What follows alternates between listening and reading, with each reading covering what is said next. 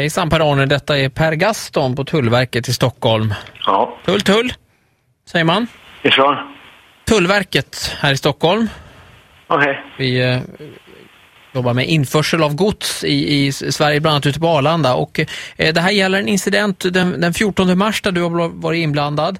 Eh, stämmer det här att du har varit i Thailand? Ja. Just det, okej. Då, då ringer jag här för att eh, delge dig misstanke då, delvis om eh, smuggling men också om mutbrott. Mutbrott? Precis ja. Du försökte muta tulltjänstemannen. Ja, men eh, det här med mutbrott, vad vadå mutbrott? Du ska ha sagt, ta en Viagra och en cigarett så glömmer vi detta. Jag har inte, jag har inte mutat någon. Tulltjänstemannen är nu sjukskriven med hosta och kronisk luft i byxan. Jag har inte försökt muta någon människa. Aldrig i hela mitt liv. Det, nej, nej, det här... eh, Det, det, det, jag, du måste legitimera dig innan jag kan, innan jag vill svara någonting på det här. Eventuellt måste man slipa ner eh, hans eh, härlighet där eftersom den, den lägger sig aldrig va? Det här är, det här är, det här är förtal det här. Nej men Per-Arne, det, det, det snarare rör sig om det är smuggling. Nej, jag, jag behöver inte förstå det, för, för det här är förtal det här. Sen har du också försökt smuggla in en sämre kopia av Roger Titti och Ola i, i taiwanesisk plast. Nej. nej, nej.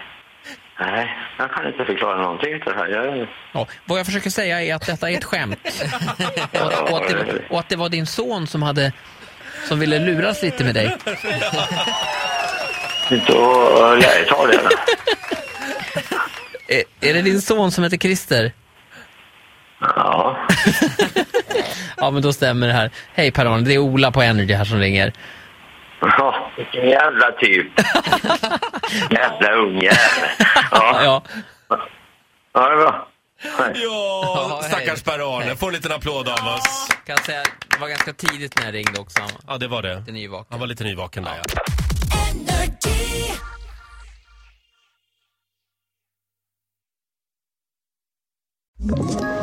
Ett poddtips från Podplay.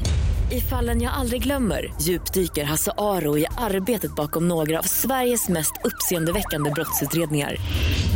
Går vi in med hemlig telefonavlyssning och, och då upplever vi att vi får en total förändring av hans beteende. Vad är det som händer nu? Vem är det som läcker? Och så säger han att jag är kriminell, jag har varit kriminell i hela mitt liv men att mörda ett barn, där går min gräns. Nya säsongen av Fallen jag aldrig glömmer på Podplay.